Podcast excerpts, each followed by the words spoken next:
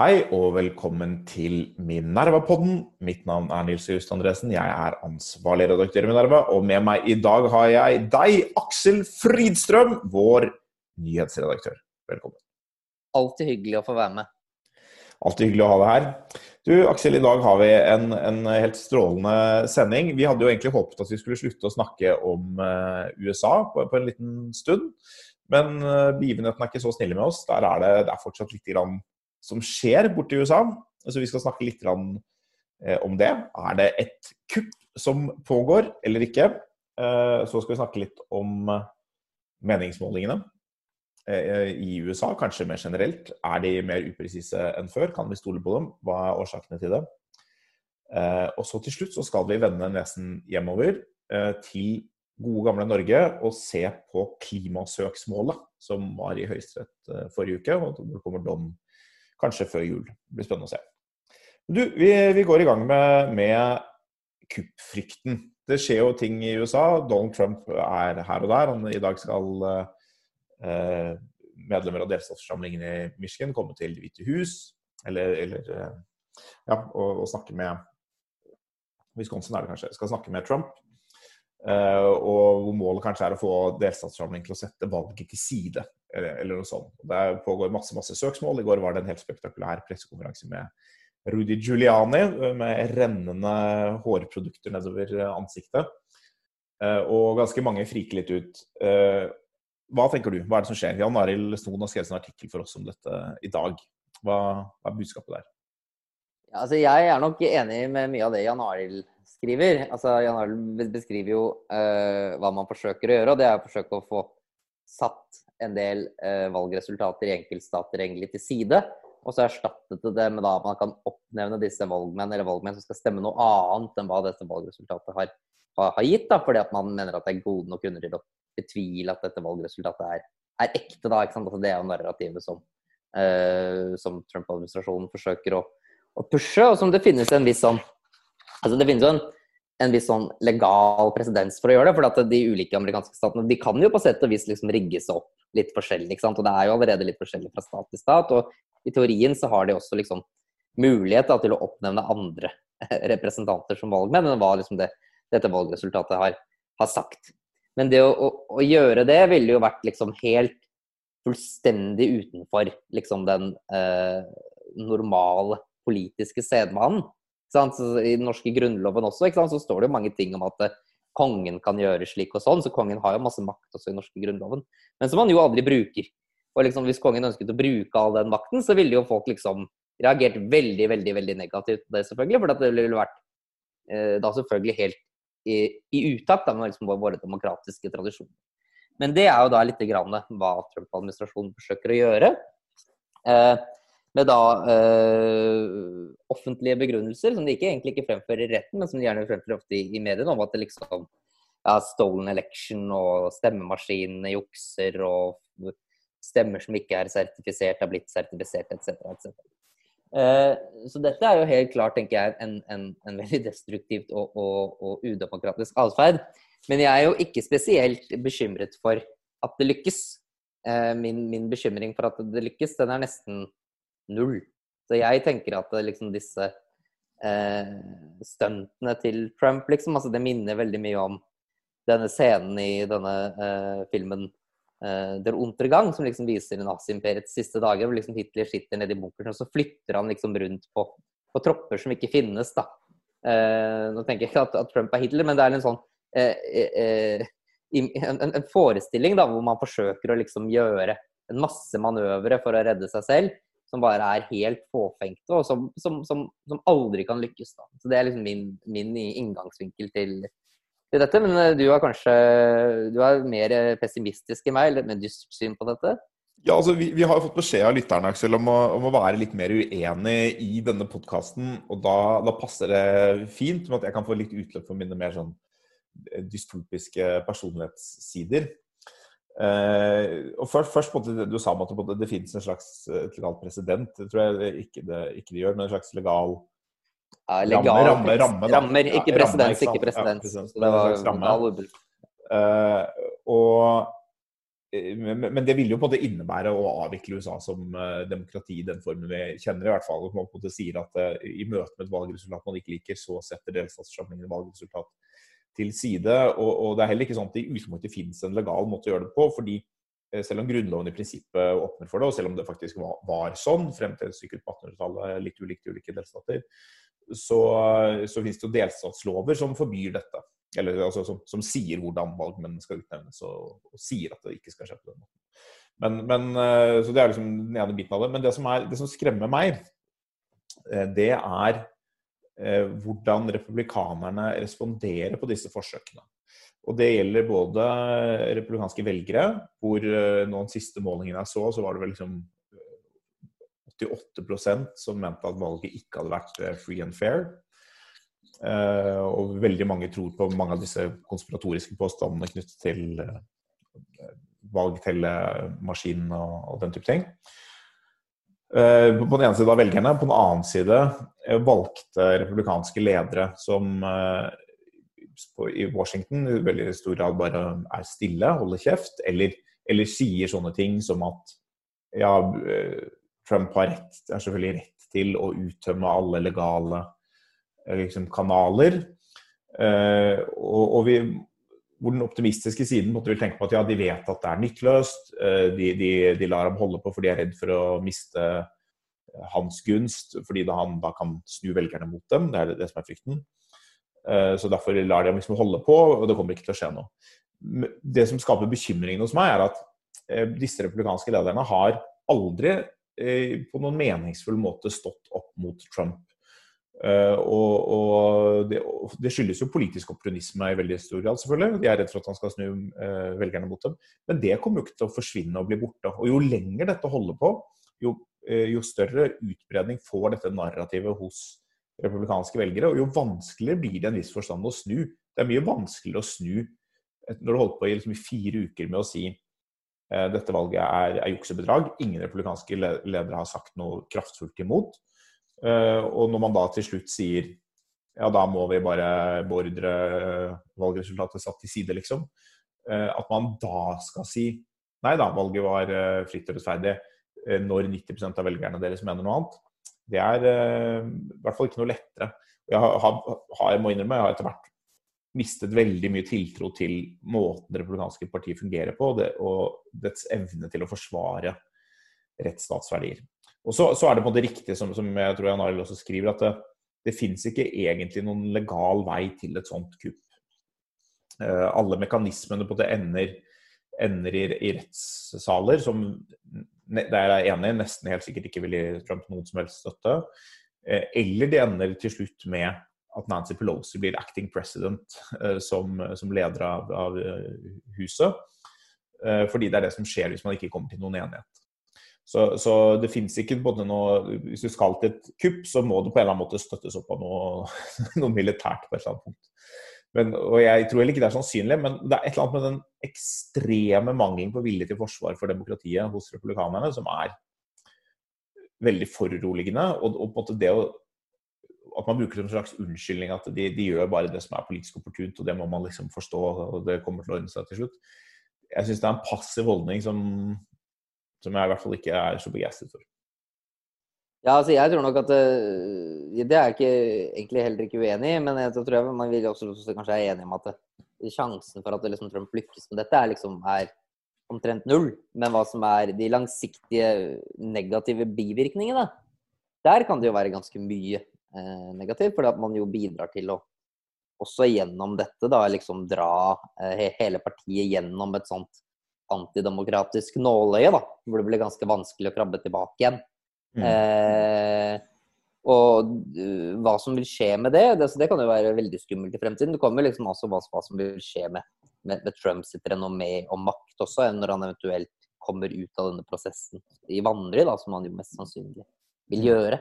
Om da eh, liksom folk vil forsøke å krabbe tilbake, eller om liksom velgerne vil forsøke å bytte ut de som var med på dette, det er jo kanskje de ikke vil gjøre det. ikke sant? For undersøkelsene viser jo at det er en viss støtte for å holde på sånn også. ikke sant? Og da vil man jo eh, sitte igjen med et eh, republikansk parti som har, eh, har iboende i seg disse antidemokratiske tendensene. Det vil være veldig farlig. Ja, det er nok enig at Den aller største faren er, er knyttet til, til, hva dette betyr for uh, det republikanske partiet og de republikanske velgerne i, i, årene som kommer, hvis de tror på, på disse konspirasjonene. Det er forstått litt morsomt at man både man hopper det fra det kan ha vært noe tull med automatene til demokratene har eh, massivt forfalsket stemmer. Mange millioner av stemmer. Man kunne jo like gjerne tenke seg kanskje vel så sannsynlig at, at eh, Trump selv sto bak eh, litt valgfusk, hvis det først var, var, det om å gjøre. Men, men veldig mange republikanske velgere tror det. Det kan jo ødelegge tilliten til demokratiet på, på, lang sikt. Og det kan åpne opp for, for nye autoritære ledere liksom, ved en senere korsvei. Det kan åpne også opp for Eh, for nye forsøk av denne typen senere. At, det ikke er gitt lenger at alle valg vil bli fulgt av uendelige med, med påstander om fusk og, og, forsøk på å flytte ballen til et, til et annet sted. Liksom. Men jeg er enig at Det er det som er den største faren. Men, men la, la, oss si at det bare er liksom fem, Hvis det er 5-10 sjanse for, eh, for et kupp, da, for at det skal lykkes, så er det likevel liksom totalt og fullstendig uansvarlig å å forholde seg passiv eller å gi, gi eh, en, en, form for støtte til Trump, sånn som mange republikanske ledere gjør. Det finnes noen unntak, sånn som Mitt Romney, Ben Sass, et par andre som både sier at dette er, eh, er, tull. Men mange, alle de som posisjonerer seg for 2024, som da selvfølgelig innebærer en de tar for gitt at Trump taper, uh, Marco Rubio, uh, Nikki Haley, Ted Cruz, den type folk, de er jo på en måte de, de har en ekstremt uh, flau uh, retorikk for tiden. Det, det, blir nok vanskelig for meg, eller i hvert fall uten at det spiller noen rolle for noen som helst i hele verden. Det blir vanskelig for meg å glemme det, da. At, at, de faktisk lot dette skje. Så kan man håpe, det er litt, liksom du sa, man kan jo håpe at det, det går helt motsatt òg. At når Trump er ute av makten, så for, ut av, ut av Det hvite hus, så forsvinner den auraen man har. Så forsvinner kanskje mange av støttespillerne. Så blir det kanskje en konflikt mellom Fox News og noen av disse andre nye aktørene på, på høyresiden. Newsmax osv. Som, som er liksom enda mer på Trump-linja, eller eventuelt en ny Trump-TV eller noe sånt. Og kanskje det fører til en mer av en splittelse hos republikanerne, som gjør at eh, de får inn ny informasjon og kommer litt ut av den epistemiske boblen som de, de er inne i. Men eh, jeg, det, er, det, er, alltid grunn til å være bekymret. og det er, det, er, jo et generelt grunnprinsipp for meg. og Det er ikke noen grunn til ikke å være bekymret akkurat nå. Så jeg vil holde på min bekymring frem til 20. januar i hvert fall. Ja, ja. Men skal vi da også hoppe videre, nå som vi har kommet frem at du er, du er bekymret også på denne, denne podkasten? Jeg er bekymret også på denne podkasten, og det kan gå videre til et, til et nytt punkt som man kan være bekymret for. Meningsmålinger.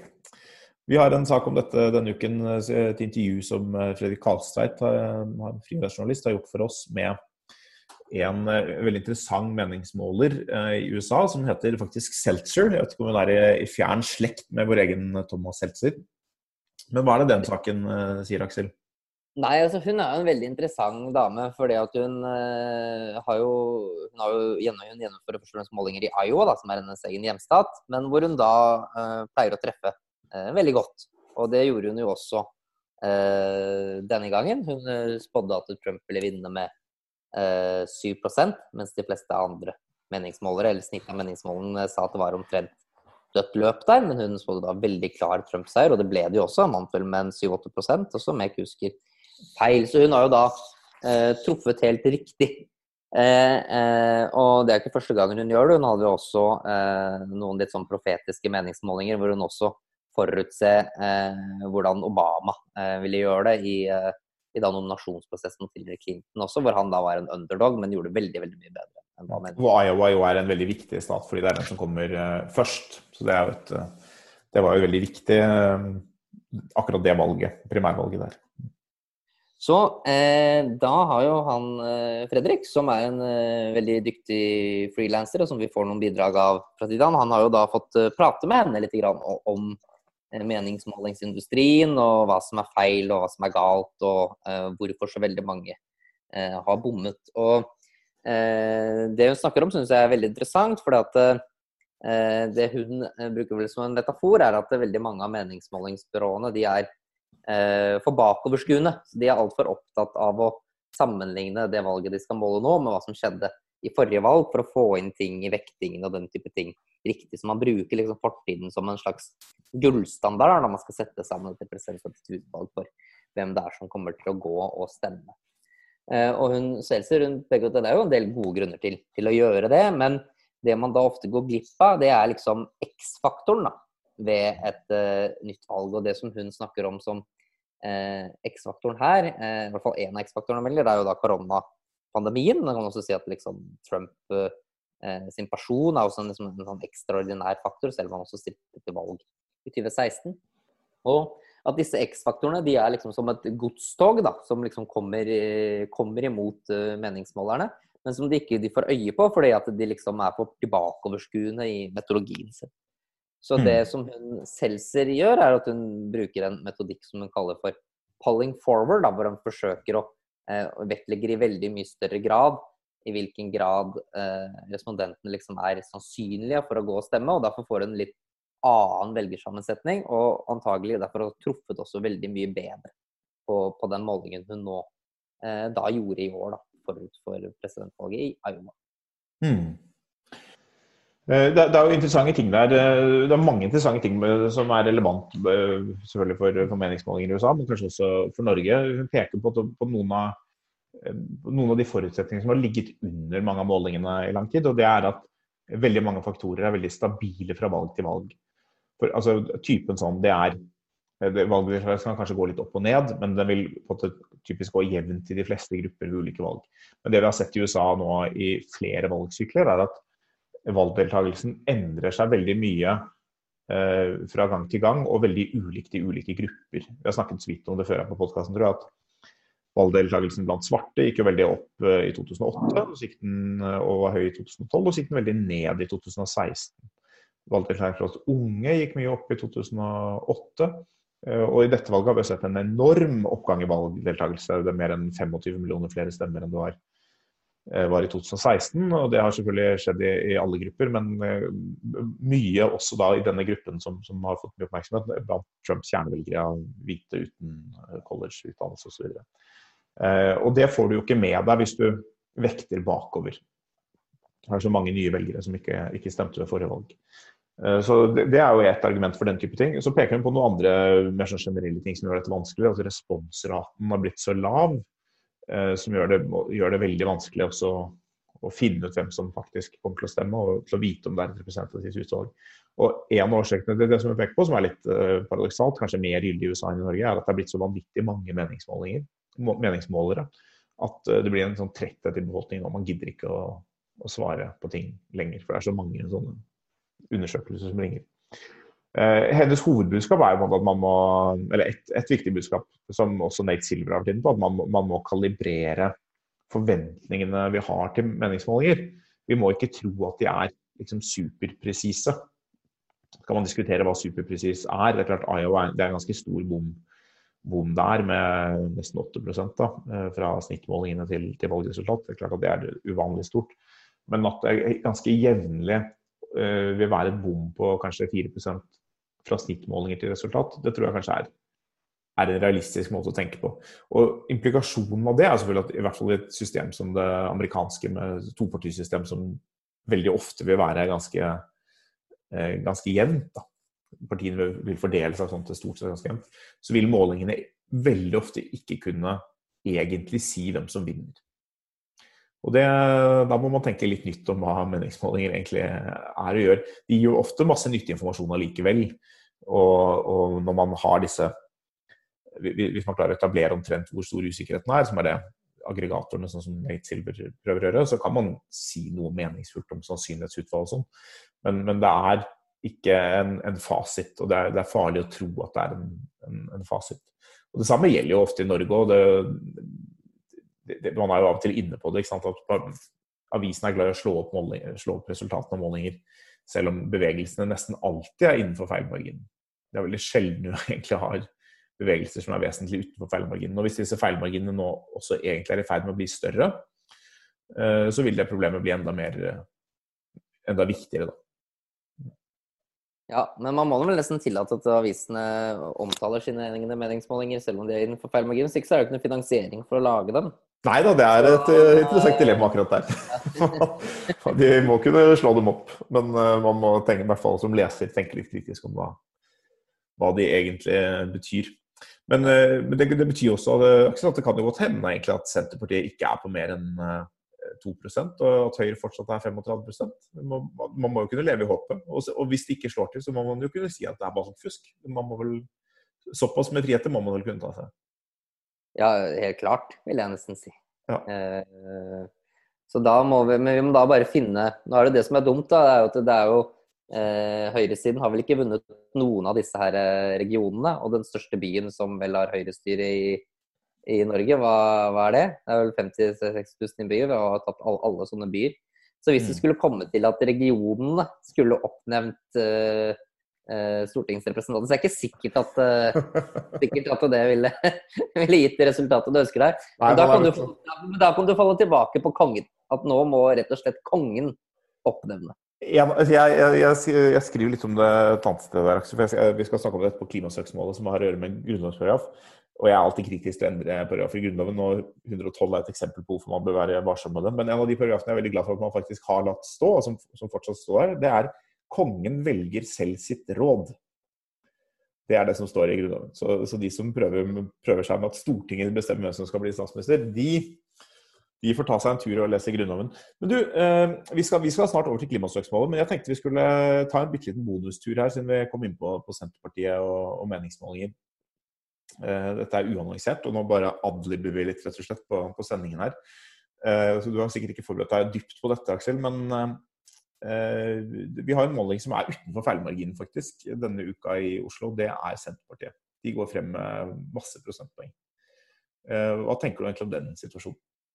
Ja, først så må jeg nå bare si at nå røpet du implisitt overfor lytterne at Minerva-podden ikke er 100 improvisert. Eh, så det Beklager. Det, det, det, det syns jeg ikke noe særlig om. Men, eh, men uansett så syns jeg det er en eh, veldig interessant utvikling med, med, Senterpartiet, som heller ikke er spesielt overraskende, tenker jeg. Men eh, det som er, kanskje er overraskende, er hvor, eh, eh, hvor mange ulike partier som eh, eh, Senterpartiet nå tar velgere fra mm. Oslo. For at dette er jo foranlediget av at eh, Jan Bøhler gikk ut av Arbeiderpartiet og blir listet opp for Senterpartiet i Oslo. Og de har jo lenge slitt med å finne en, en kandidat som appellerer til befolkningen i Oslo, men nå har de det, Jan, Jan Bøhler.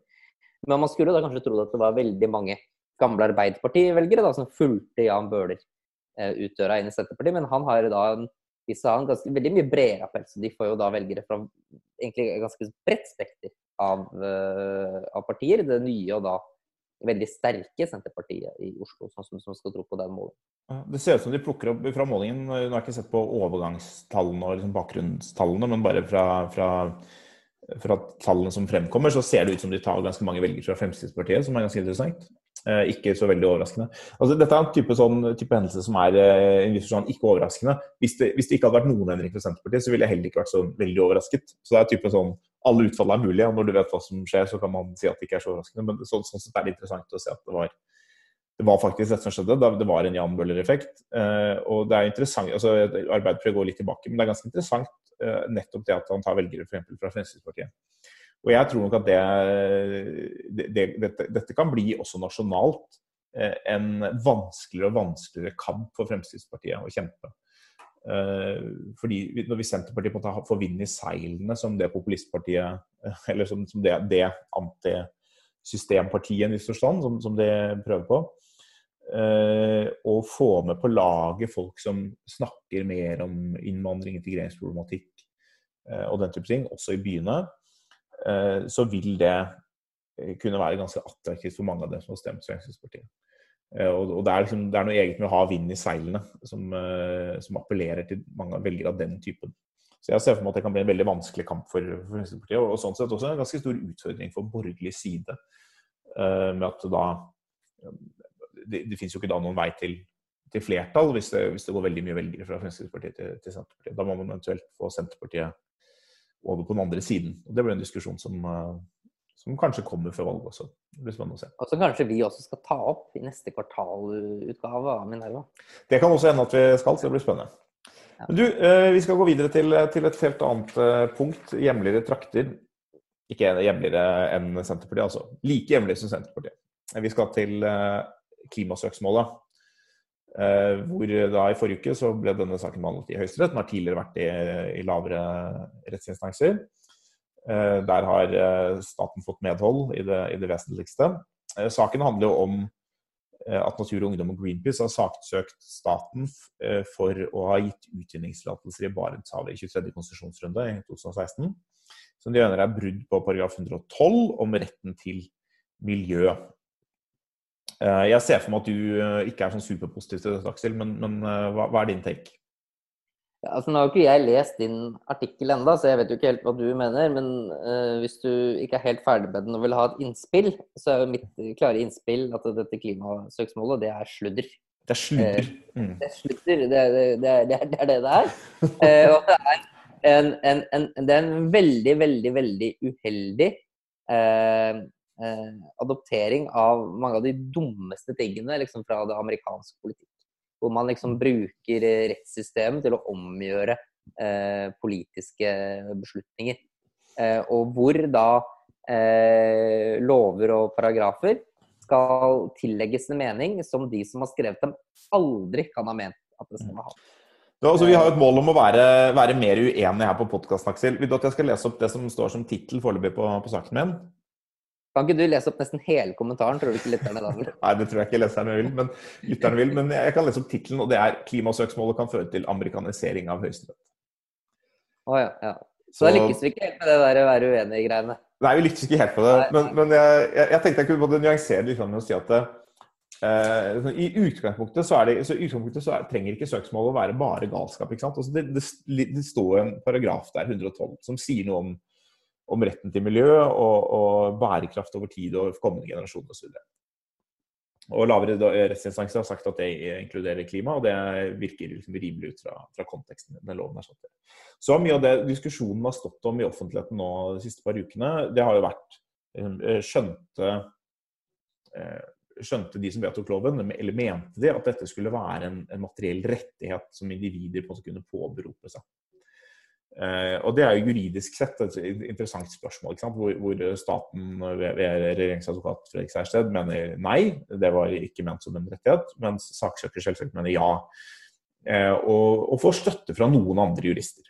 Så dette er på en, en diskusjon uh, som går på forarbeidene til loven og, og sånn, hvor, hvor forarbeidenes arvinger holdt jeg på å si, har uttalt seg sprikende, i form av Michael Tetzschner, som sier 'dette mente vi aldri', og, og Jette Christensen fra Arbeiderpartiet, som sier, eh, sier ikke akkurat sånn, da, men hun sier jo noe mer i retning av 'jo da, dette mente vi', liksom.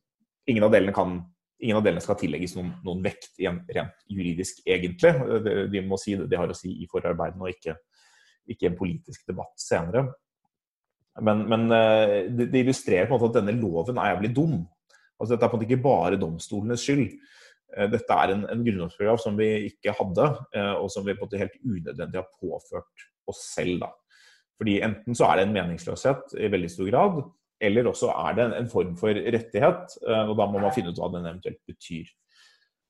Men det, det, som er min take på dette, er at man, selv om man kunne sett for seg situasjoner dersom det var en rettighet hvor denne kunne kommet til en annen anvendelse politisk, så er oljeutvinning og gassutvinning ikke en sånn sak. Altså, det er så komplekst så for å kunne både dømme i favør av, av, saksøker, så må du, må du, abonnere på et helt liksom, verdenssyn eh, som innebærer at du har et spesielt syn på eh, i hvor stor grad vil norsk oljekutt bli kompensert av oljeproduksjon andre steder.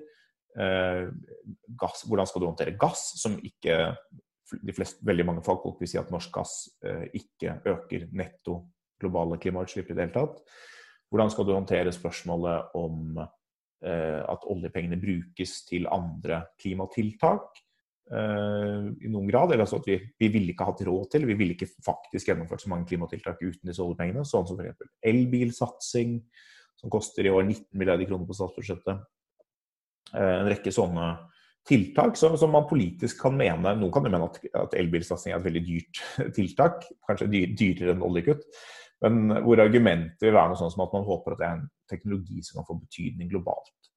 Så, så de, de, som ønsker oljekutt, de ser på det for seg at Norge går foran med et godt eksempel. Andre land vil følge etter. Olje og man vil slutte å produsere fossil energi over hele jorden, og klimautslippene vil gå ned og verden vil bli reddet. Men de som er uenige, vil jo på en måte si at ingen andre land vil følge etter. Det er mye bedre å lage teknologi som faktisk kan være konkurransedyktig i andre land. Uh, og der har du liksom den politiske uenigheten. Og så I tillegg så gjelder det selvfølgelig at, at Norge er så bitte lite land, så, så, selv en full utfasing av absolutt all norsk olje eh, ville kanskje redusere netto globale utslipp med, liksom, med godt under en halv prosent. Som, som, ikke er nok til å ødelegge kloden isolert sett, og, men heller ikke er nok til å redde kloden. selvfølgelig. Så man, Det er ikke liksom klart hvordan man verken oppfyller eller bryter rettigheten ved å bør gjøre det ene eller det andre. Men, men, konklusjonen på det Dette var en lang, eh, lang, forklaring, Aksel. Men konklusjonen på det, hvorfor dette har å gjøre med amerikansk høyesterett, er at eh, hvis staten skulle bli dømt Det, det er omtrent like sannsynlig, mener jeg, som at det blir statskupp i USA. Men, men, men, hvis staten skulle bli dømt, så blir det plutselig akutt relevant hva høyesterettsdommer mener politisk. Ikke bare juridisk, men politisk. Fordi det er en rekke da, politiske syn du må, kunne, må ha for å liksom, komme til en sånn konklusjon.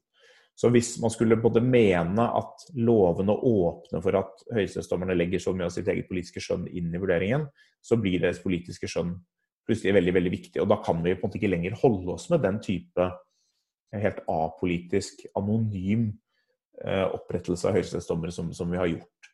Eh, og så vil motstandere de vil jo fort si motsatt. At ja, men hvis de dømmer mot, så er de uenige. Men det er jo ikke tilfellet. fordi Eh, for å dømme mot, så trenger du ikke å ha noe syn på hvem som har rett. Du må bare erkjenne at det finnes ulike mulige syn.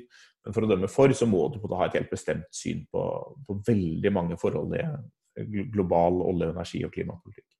Ja, altså jeg tenker jo Det handler jo, altså det, det prinsipielle og konstitusjonelle her handler jo liksom om maktfordelingsprinsippet i demokratiet. ikke sant? Altså Hvilke eh, ting er det regjeringen beskjeftiger seg med, hva er det Stortinget beskjeftiger seg med, hva er det domstolene beskjeftiger seg med. Og hvis domstolene sier at de skal beskjeftige seg med, eh, eh, med denne problemstillingen, ved å da gripe inn og si at det staten gjør er ulovlig, så eh, betyr det jo at eh, domstolene litt gjenoppfinner seg selv, da. Fordi de finner opp en politisk posisjon til seg selv. Mm. Eh, så det blir jo en, eh, således en, en, i realiteten en, en avvikling av hva Høyesterett i Norge er i dag, da, hvis, hvis, hvis, de velger å gjøre det. Eller i hvert fall en ikke en avvikling, men en, en, en radikal fornying da, av, av, av, hvordan de ser på seg selv. Eh, som jeg tror vil være veldig uheldig.